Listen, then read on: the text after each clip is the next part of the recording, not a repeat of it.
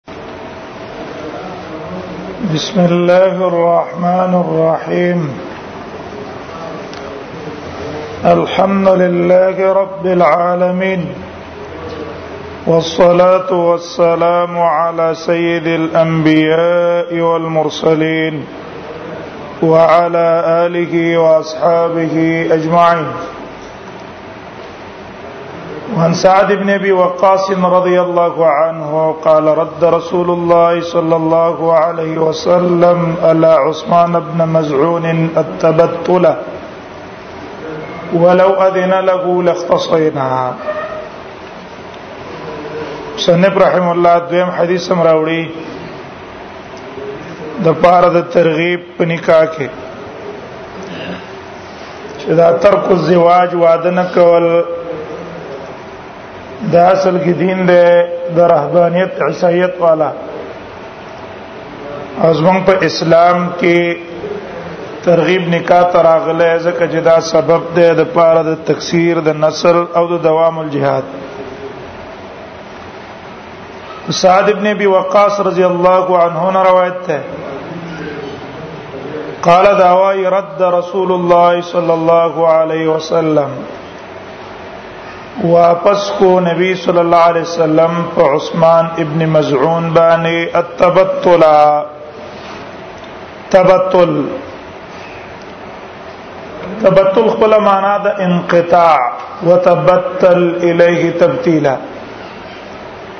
جدا شته پیغمبره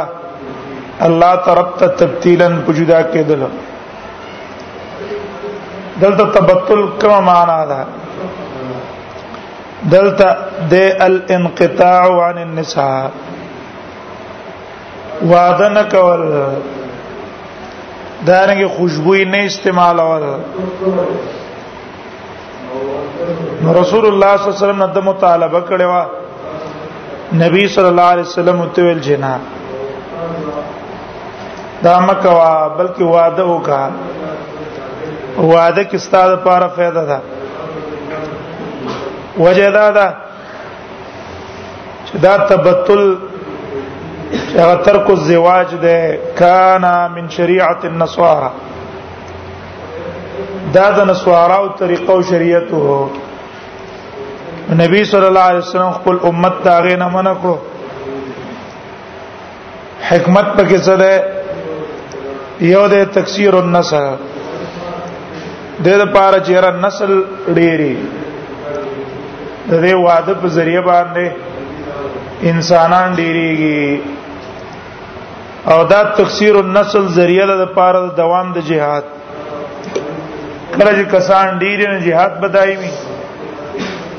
او چې یو څو کسانو په جهاد کې شهیدان شو به جهاد کې بچا څوک به مړ کیږي نور برازي هغه چې شهیدان شو دا هغه په ځای بنور راځي دا تفسیر د نسل سبب دی د پاره د دوام د جهاد هم دیو جن شریعت په طریقه د نصارا ورت کړه ده او ترغیب عبادت ته ور کړه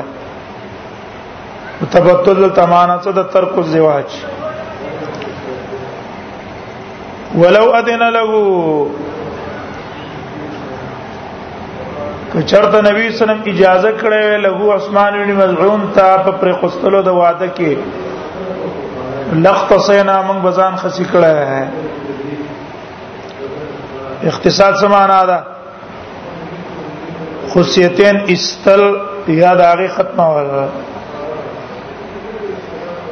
اوس د لخت سینا او د لتبطلنا ور په کار دسیو چې ولو اذن له لتبطلنا وجداد چې عثمان ابن مزعون د نبی صلی الله علیه وسلم اجازه غوښتله دا نو په اختصار کې غوښتله کې په تبتل کې غوښتله په تبتل کې غوښته دا چې دا الله نبی ما ته اجازه وکا زه واده نه کوم په کار دا و چې د څه ویلې ولو اذن له لتبتلنا د لخت سینا د تبتل ناصرت سره مناسبت ده یو قول د علماء دا ده دا محمول ده په مبالغه محمول له بزبانه او مبالغه باندې سمانا معنا لبالغنا فی التبتل ولو بالاختصار من بدون مبالغه کړه په تبتل کې دا مبال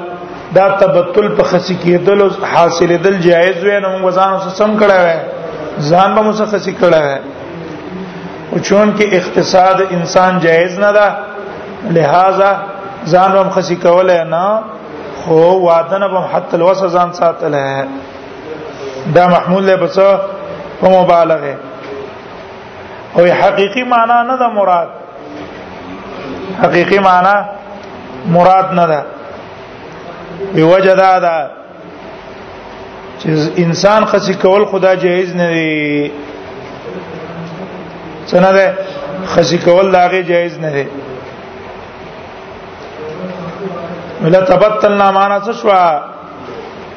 لختصینا معنا دا لجعل كل منا نفسه خصيا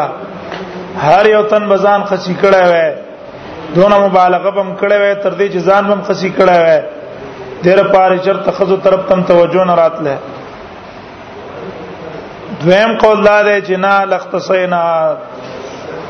د حقيقي معنا مراد ده مبالغه په تبتل کې نه ده یعنی موږ په تبتل کې مبالغه کړې وې حتی ولو بالاختصار نه معنا نه ده حقيقي معنی مراد ده او د دې صحابه دا ګمانو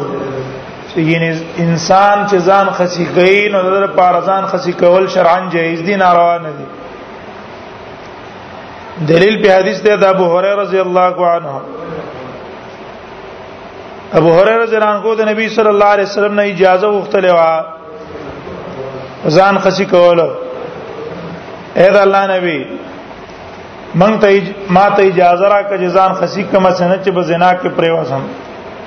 نبی صلی الله علیه وسلم تو فرمایل وی الله تعالی ان الله كتب على ابن ادم على ابن ادم حظه من الزنا انسان باندې الله خپل حصہ د زنا مقرره کړی دا ستا خپل خوخه دا ځان دا غینه ساتي فإن شیتا فختص علی ذالک ځان خسی کې بس خسی کو کني ځان پرې دا ته چې رز ځان د زنا نه بچ کوم نو چې الله در باندې کوم زنا مقرر کړی دا وخامه خطا ته درسیږي دا غینه د بچاو نشته دا غینه د خلاصې نشته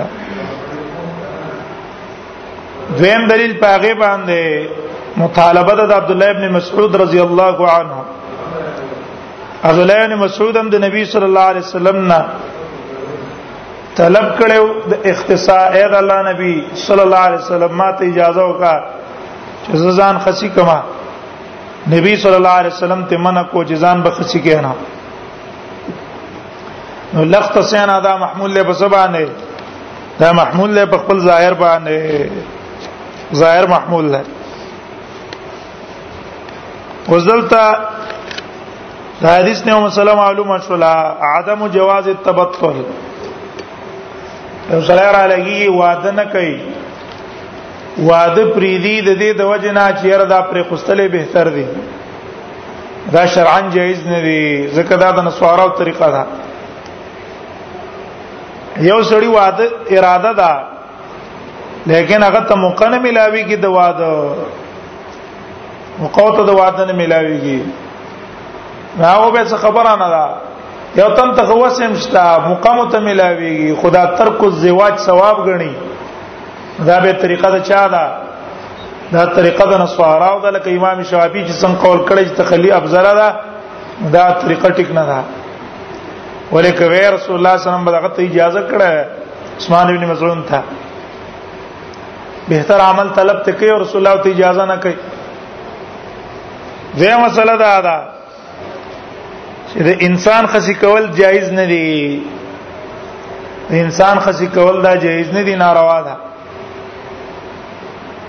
دلالت په حرمت تاغه حدیث ته د ابو هرره زنان کو چې نبی صلی الله علیه وسلم د اختصان منع کړی دا او ابو هرره زنان کو ته مطالبه کړی او بخاری کې روایت ده نبی صلی الله علیه وسلم دا غې نه منع کو چې دا بنه کړي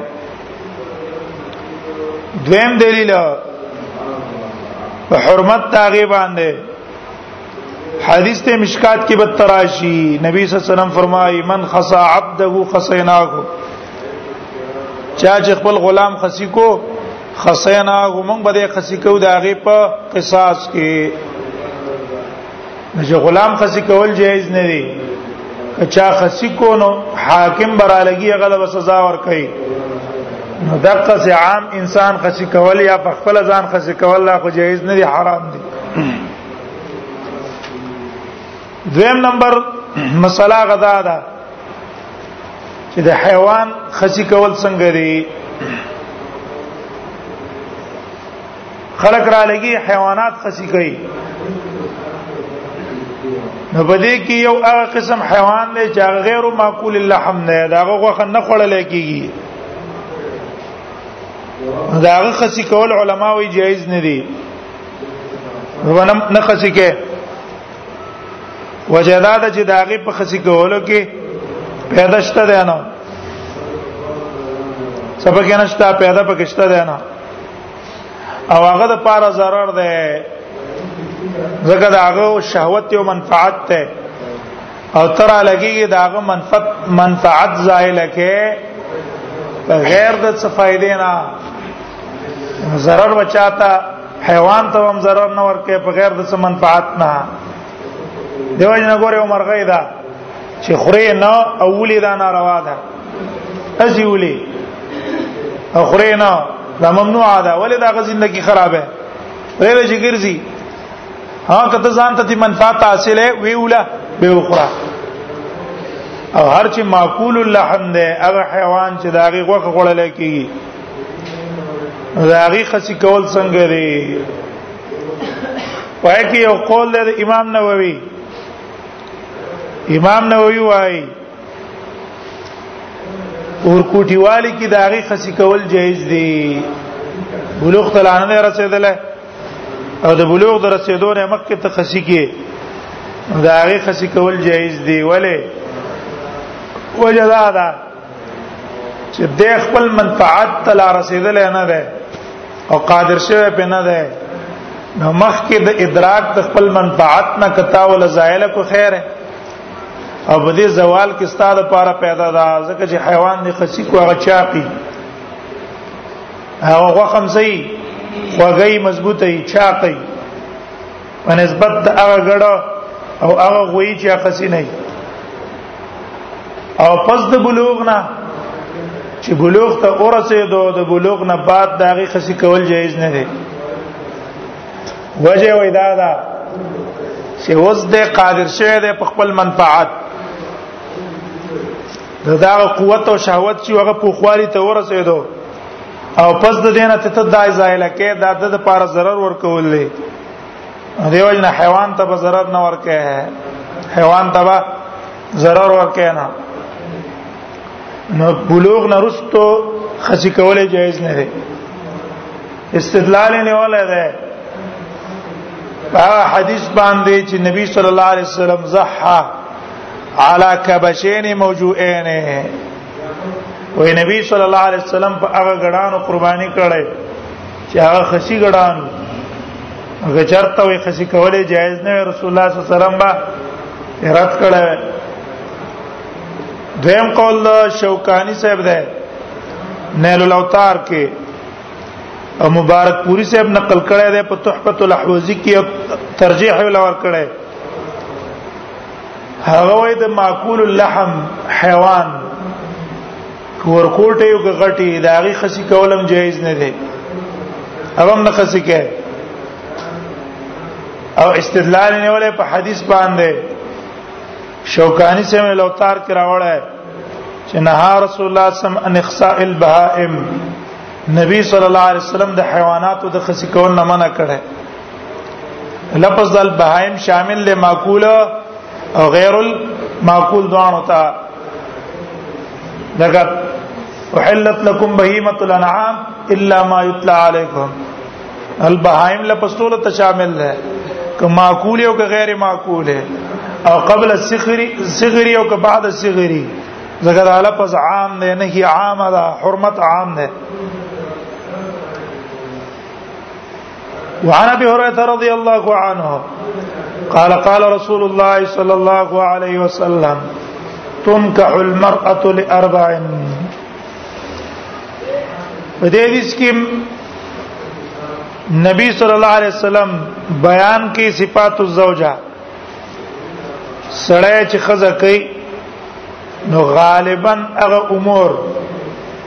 چې مرغب دی په تزویج د یو خزه کې دا څلور دی بیا نبی سم ترغیب ورکړي چې په دې امور کې ته دین غوړه کدینه د دین د غوړه کېدو د وجنه وستا دنیا هم خشي اخرت هم د خشي دا ابو هريره رضی الله عنه نه روایت ده قال داوی قال رسول الله صلی الله علیه وسلم نبی صلی الله علیه وسلم فرمایلی دی تنکح المرأه لاربع نکاح کې دلې شي د خزې سره لاربع د وجد څلور خوینونه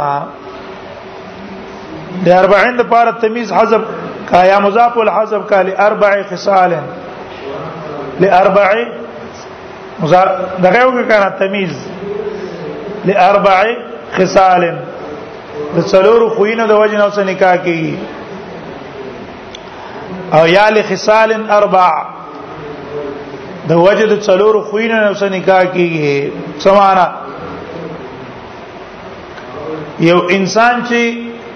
د یو جنې په نکاح کې رغبت کوي نو اکثر د رغبت د پاره د څلور اسباب دي یا سبب حسب ده حسب یا سبب مال له یا سبب جمال له ډول او خاص یا سبب دین له دینا لاربع لما لها دا داغي بیان دی اوس لما لها خلق نکاح کوي د خزې سره د وجه د مال دا غینا دا جنې ز کومه اگر که نسب مچت نه ده ډول ډال او خایس هم ډیر نشتا دینداریم په کې ډیر نشتا خو مال له وسره د دې د وجه نه با مزه مالدار شم مال وراش او زما چې کوم بچی وشو زماغه بچی به مالدار ای زکه د مور مال دی کنه خلق نکاح د خیسه څه د وجه نه کوي د مال د وجه نه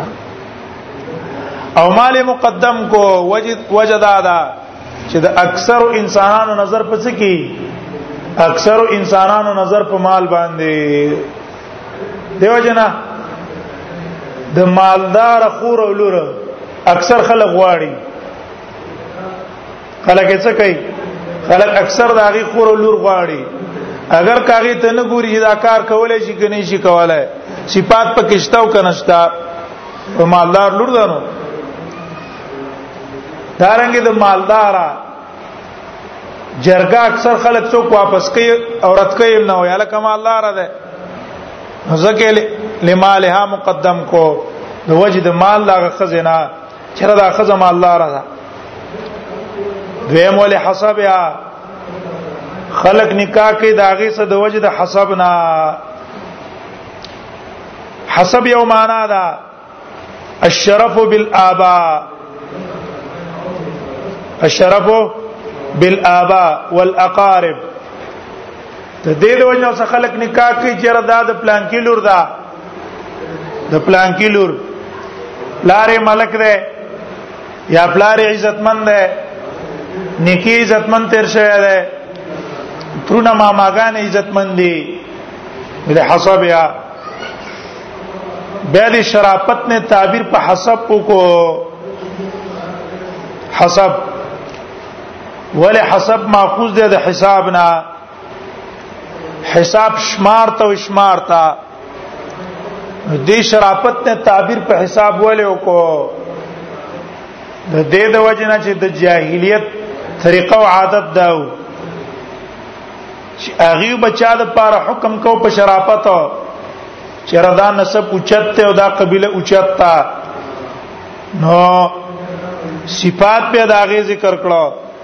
نو چې کم قبيله کې به صفات ډیرو په نسبت د نورو نو دا هغه د پاره به فیصله وکړه په شرافت باندې چې لکه دا اوچت نسب والا ده دچا عادت به ډیر شو په نورو هغه د پاره فیصلو ک په شرافت نو دی وجه شرافت نه تعبیر په څوکړو حسب جریر واقع تاسو ویل دا جریر ته چا ویل چې څوک غټ پسیح ده شاعرانو کې هغه زغټ پسیح ما زمانه بل فسیح نشتا شاوتل څنګه ته فسیح وي راځه زتا تخپل فصاحت او بلاغت او خیمه ځان سه بوتلو یو دروازه وړه بولا دې کې یو سړی را اوتلو ګډه وړه ګیره وا شکرم بد شکلو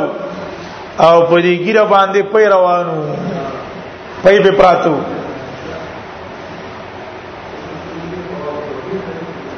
دته و خو دو چې دا پیژنې وینا وې دا زما پلار ده وې دا دونه کنجوس ته زما دا پلار چې دا په کور کې چیلې پلوخي کې نه لشي اسنه چې چرته د لشلو د आवाज غونډي وانه وري پیرانه نه غواړي نو د چيلې په غلام زبان خلق دی او هغه روي او ایزه په مجلسونو کې بد دې پلار باندې فخر کوم چې ما پلار دونه سخی دی او دونه کمال والا دی زما بل فصیح شته دی زه فصیح مکان دا بخیل نه سره جوړوم غړ سخی ته جوړوم او خلک زما د پلار کمالات منی چې رښتیا د اوچت کمال والا دی نو الته به پخرونه به حساب کړو د چا پخرونه په کم قبيله کې ډیرو هغه له فیصله په سبانه وکړه شرافت باندې وکړه دا یو طریقې هغه ګور موږ تاسو کوینو یاله کوی پلان کې خزا په تمامه دنیا کې حسین ترین ده په اخبار کې راشي موږ تاسو تعجب کې تفریح زوجدي کې حسین ترین کم ځای ده دا کوم ځای دی حسین ترین دی چې په تمامه دنیا په خزو کې دا څه وته لا دا حسین ترین او قتلا خدام د دې مفسدان یو خاص رازونه یو خاص رازونه چې په رازونه موږ نه پويګو چې دا هغه راز سره څوک موافق پریوزي نه هغه ته څه وایي حسین ترین او حالان کې هغه پټولو کې پواړی ډیر بد شکل پکې اغی وې دا حسین ترین او قتل تا د دنیا ټوله خزي او قتلې دا پکې حسین ترین او قتل و یو څو مرداري ورغلی یو څو مرداري هغه کې بس ویله فیصلو کې دا تمامه دنیا حسین ترین ده حسابیا حسابیا معنا دا, دا شرف الابا والاقارب دویم شرف معنا څه ده مراد ته ندلتا هغه صفات دي افعالها الحسنه الجميله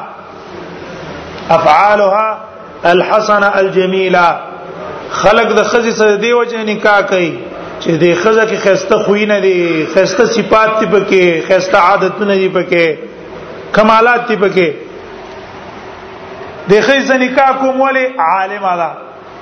ټیک د ډول هم نشتا خایس هم ډیر نشتا لیکن عالم ده عالمه مدرسه ده سکول کې استاد ده تعلیم یافته ده ډاکټر ده یو کسب داغي کنه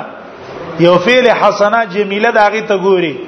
داغه په بعیشی په نکاح داغه چیرې داز کومه نو خلک هغه کارونو ته ګوري ولی مالها لکه ډېر کسانی جذبه کې راشي ورزه بس عالم خزه کومه نه رنگ ته ګوري نه بل شي ته ګوري بس ویره چې عالم یو بس درس او تدریس کوي بس لا نظر په څه باندې ده په ډول نظر نشتا او مال نظر نشتا صرف د نظر دې پاغه حسب ته چې فعل جمیله ده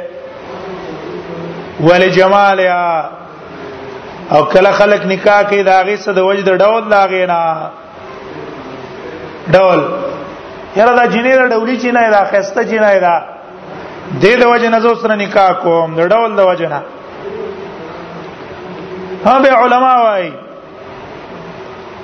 چې کله جنې ستانه ډېر ډولي واغې سنکا نه دي کول پکار ته هغه په نسبت باندې ډولي نه وي او هغه ستانه ډېر ډوله خسته ده هغه سنکان کوی نه دي کول پکار وجداد چې هغه په خپل ډول باندې به پتا باندې به فخر کوي او د خپل ډول د وجنه بتا ذلیلې خوارې بده دیو علماء دا بد غنل ده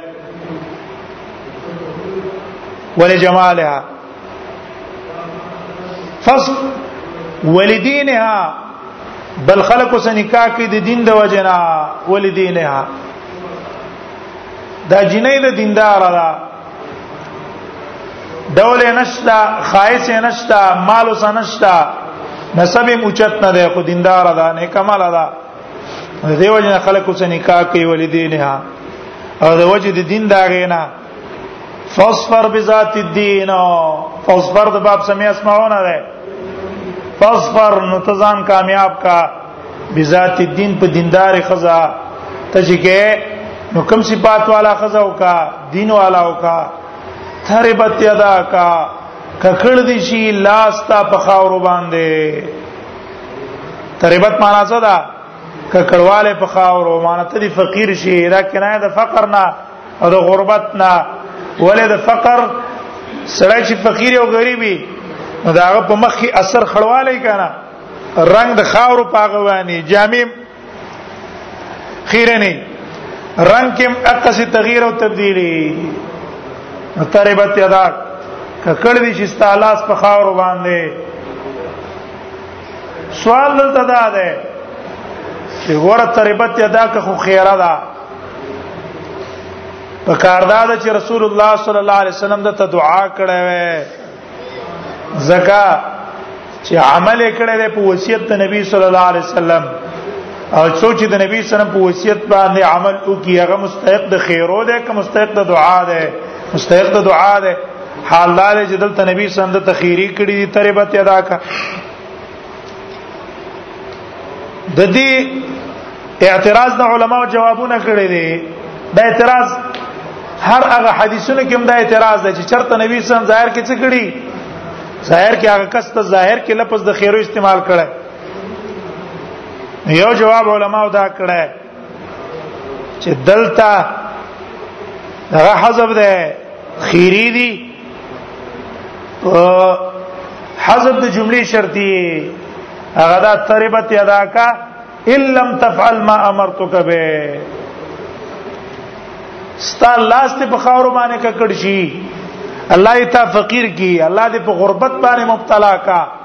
اذ لم تفعل ما امرتك به کله چې تا او نکړه هغه شی چې زه تا ته په حکم کوم زه ته هم دیندار او کا او ته دیندار نه کې په مالداري پسې ګرځې په ډولي پسې ګرځې او په نسب والا پسې ګرځې مستا الله ست الله په خاور باندې سکی ککړ کې الله دی فقیر کا زکه زما وصیت منې نه ودا رست جمله حذف ده او دا اخیری اصل کې پاغي بنا دي دویم جواب دا ده چې رسول الله صلی الله علیه وسلم دا جمله استعمال کړې ده او دې کې مقصود خیری نه دی دې کې مقصود خیری نه دی بلکې مقصود پدې کې التشمیر والجد فی طلب ذات الدین فی طلب ذات الدین تعالی په کار دا دی چې ته دیندار خزاو کې نیک عمل خزاو کې راغی سره نکاو کې نو په هغه باندې تیزی ورکول غرض دی او خیره پکې مقصود نه ده او دا د نبی صلی الله علیه وسلم عادت او د عربو عادت هم چې دا جملې به استعمالولې ظاهر کې به دعا خیری وي خو حقیقت کې به غرض پکې تیزی وا لکه موږ تاسو ته یو تنه لکه دا پلان کې کار وکړو پلان کې کار وکړو دې کې به خیری ته ته تباشي ولې نه کې تباشي ولې نه کې نو تباشي ولې نه کې دا معنا نه چې ته خیره کې دغه ستا مقصد ځي تیزی ورکولې په دې کار باندې شابه دا کار وکړه وختو کې موږ د قص استعمالو رسول الله صلی الله علیه وسلم د قص استعمال کړو دریم جواب چا دا کړی چې ټیک ته د اخیری دی خو رسول الله صلی الله علیه وسلم دعا د الله نه کړی دا یا الله ايما رجل من ايما رجل من امتي ايما رجل من امتي وای کم یو سړی زما د امت نه اے الله ما ته کنځلې کړې دي یا مې تخیری کړی دی زما د اخیره داغه د پاره رحمت وګرځوا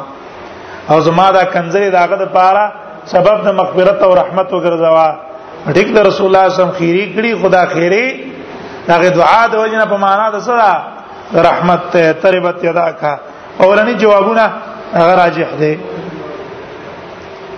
متفقون علی حدیث کې بیان شو چې خلق نکاح کوي اسباب مرغبه په نکاح دی او خزه کې دا څلور دی یا مال یا نسب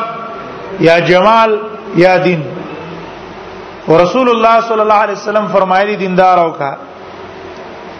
شاور الله صاحب حجت الله البالغه کی وای وی المال والجاه مقصد من غلب عليه حجاب الطمع والفخر المال والجاه مقصد من غلب عليك حجاب الطمع والفخر اکم سره چې مالدار خزي پسې ګرځي دا هغه انسان دی چې دا تمګیر دی او د د پزړه کې کبر دی کبر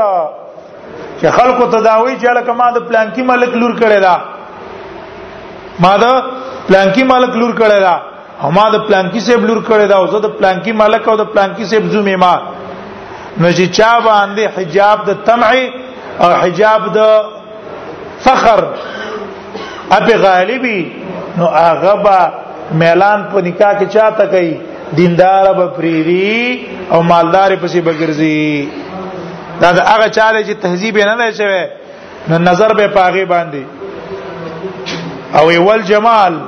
وما يشبهه من الشباب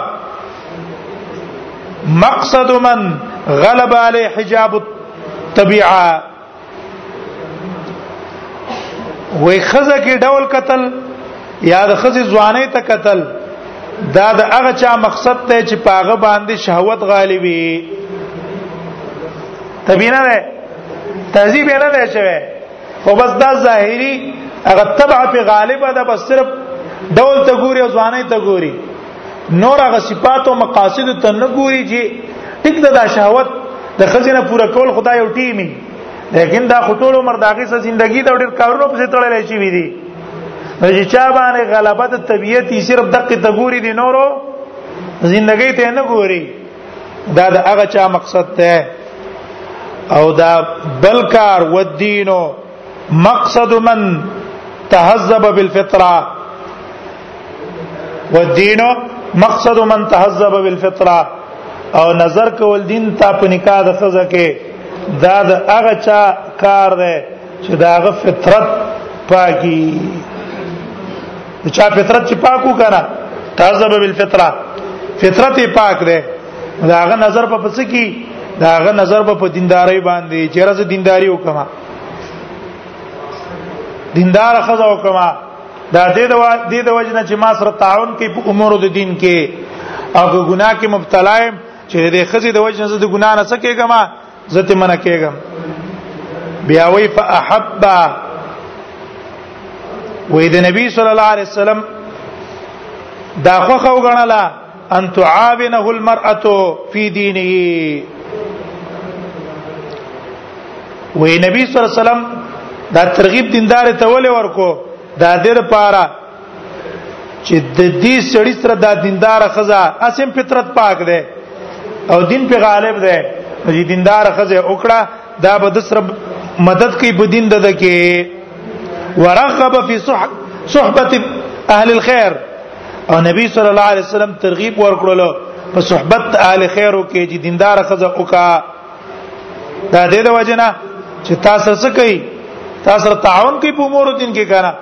کستا خزه مونږ کوي دین دین کوي تا باندې هم باعث چې ستم پاتې کی مونږ کې هغه تلاوت کوي ته به مستزان تا باندې باعث چې زم تلاوت ول نه کومه هغه به پتا باندې باعث کیږي په دین باندې اصل د فطرت پاک وي او چې تاسو سره تعاون کو مدد کړاله هم بم دسرش دا څلور اسباب دي به د حدیث نه پیدا وروته الحس على مصاحبه اهل الدين في كل شيء وې د دیندار سره مرګرتوب پکار دی په هر یو شي کې هغه سره مرګرتوب پکار دی وجه دا ده چې دیندار سره ستا دوستانه وا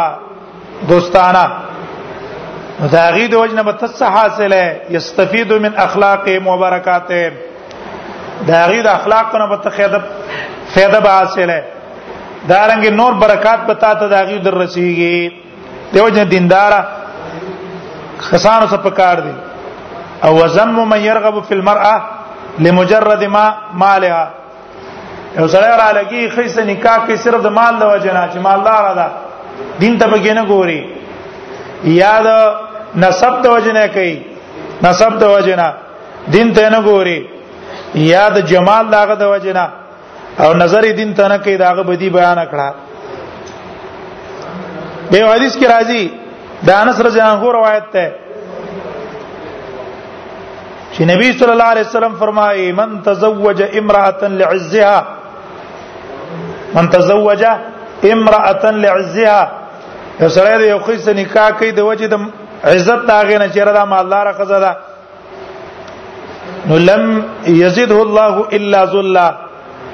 دا سړی به الله د دې نکاح په وجه باندې ذلیل کی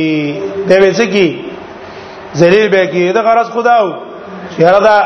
اوچت نسب والا خزه به او کما زما مو اوچت شما دی به الله ذلیل کی دی به ټول ورځ هغه ته نسبت د سکه د مزدور بکې نسبت به د سکه مزدور بکې کنه ولې ته غریبې او هغه کورانه کې خپل یو کنه غستا څخه کرام کوي سره اکرام عزت دې کوي نه اور باندې الله ذلیل کی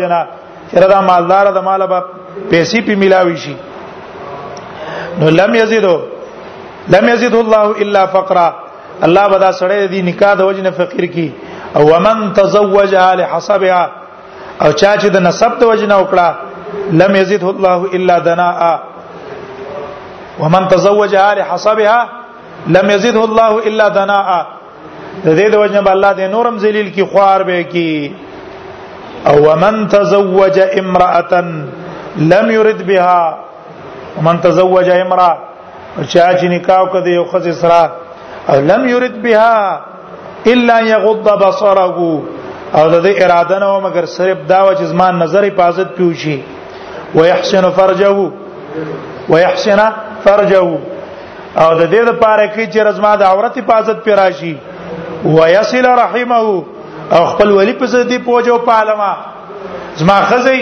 زما خپل خپلوان را لغه کرام کوي دا غي عزت کوي چې نورم د خپل د خپلوانو ما سره پیدا شي مینا محبت را سره پیدا شي نو لم یزده الله نو بارک الله له فیها الله بدر پاره په دې خزه کې برکت واچي وبارک لها فیه او د دې پاره الله په دې خزه کې برکت واچي دا روایت انس رضی الله عنه امام تبرانی المعجم الاوسط کې راوړی لیکن په سند کې عبد السلام ابن عبد القدوس ته هغه ضعیف ده به ګوره دې حدیث ته دا معلوم شو چې سړی له پکار ده دی چې خزه کینو هغه خزه دی او کې چې هغه دیندارې دیندارا دیندار او د نور شنو باندې نظر نه ساتي دغه سی ولید خزله پکار دی ولید خزله ستا لور دا ستا خور دا یا ستا اوریرا دا تی تری واکه تاسو را ده نو تم چې دی ولکه دا جنې ورکه نو دیندار سوی له ورکا خوش اخلاق له ورکا دیندار له ورکا خسره له وګوره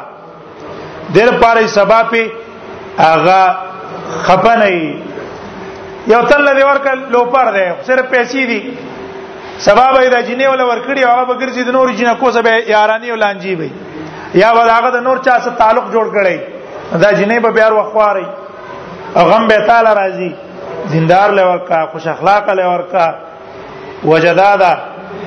چې هغه دیندار سره پردو خسر تعلق ساتي نه د دې خزي به اکرام کوي عزت به کوي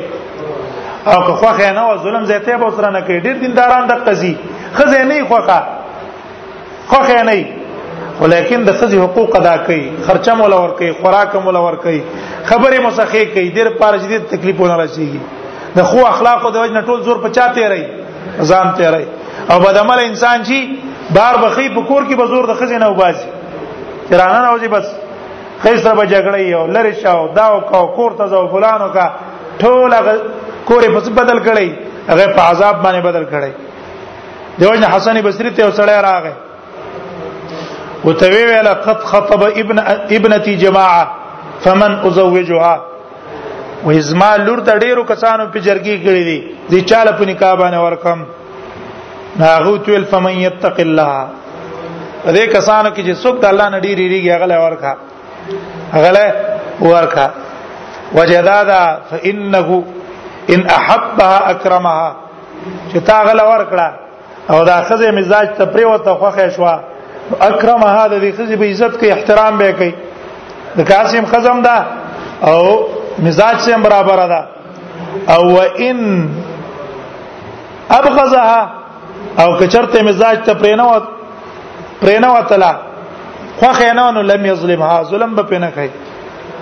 ظلم به کوي نه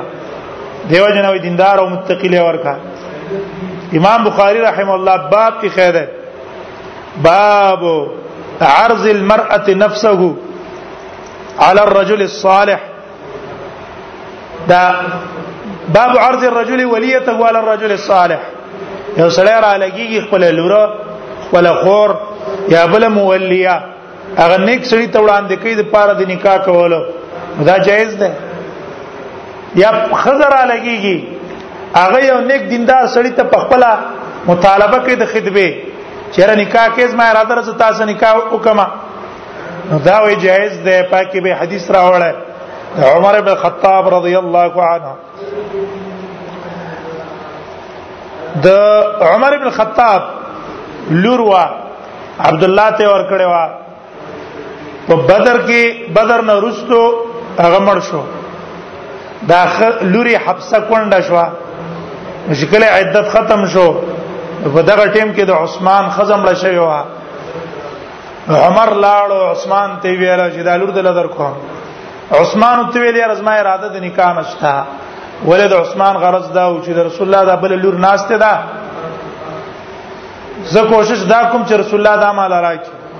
زګه د رسول الله صلی الله علیه وسلم د زمتوب نه به اونو زما دیو جن د عمر لور نه کوله دا غینه بعد ابوبکر ته ورغه چې دا لور دل در کومه وې کا ابو بکر دا متویل چې کومه دا متویل چې نه کومه خبره هم د قضې پرې کوستا وجداو چې ابو بکر صدیق ته نبی صلی الله علیه وسلم ویلو چې زما اراده راځي د عمر د لورو کما ابو بکر صدیق رازم نه کار کاو او انکار هم نه کاو راغه نبی صلی الله علیه وسلم ته شکایت وکړ چې ګوره عثمان سم دې څه وکړه ابو بکر سم دې څه وکړه ابو بکر سم دې څه وکړه نبی سم ته ویل چې عثمان له الله ستانه خس خر ورکی او طالب د ابو بکر نه الله خزم درکی به او ته اجازه په نکاح باندې واخلم نو ابو بکر صدیق راغه عمر رضی الله عنه ته ویل چې ګوره ته خپه ته ماته د لور نکاح را پیش کړه خو ما اون کړه وجه او سبب اصل کې داو چې رسول الله صلی الله علیه وسلم دا غي مذاکره کړې و نو ما وی جره نبی صلی الله علیه وسلم د دې ذکر کړی دی نو دې وجنه ما ما ویل چې ک زویا مچ رسول الله کوي نو راز رسول الله بکارش او کې دې چې رسول الله صلی الله علیه وسلم پری دی نو که رسول الله صلی الله علیه وسلم پری خوي نو ما به په نکاح کولا دیو جتمانه خپکهګه ما دویم مثال لاغه د پاره چې خضر لګيږي نیک سړی ته عرض کوي حدیث راوړی دی رستو په دې کتاب کې په خپل صداق کې راشي یو زنانه و نبی سلام تراله نبی سلام ته چې اې د الله نبی ما په نکاح واخلا کستا اراده دې نکاح ما په نکاح باندې واخلا رسول الله صلی الله علیه وسلم تو فرمایله وتکته پورته او قتل قرادم په ونه کړو به صحابي پاتې دی رسول الله کته نه کماله په نکاح باندې راکا دغه حدیث نه علماء دا مسله راستره ده چې غوړه دي زنانه نبی سام تزان پیش کړی دی دیو جن انس لوروا غیر ما اقل حیاء ودا څونه به حیا قضا ځان په خپل نبی سلام ته ویل انس ته په غوسه شو اول به حیا نه وا غیر اسی باندې څوک کوي چې رسول الله می او کې نو ام ام المؤمنین به به جوړه شوی وي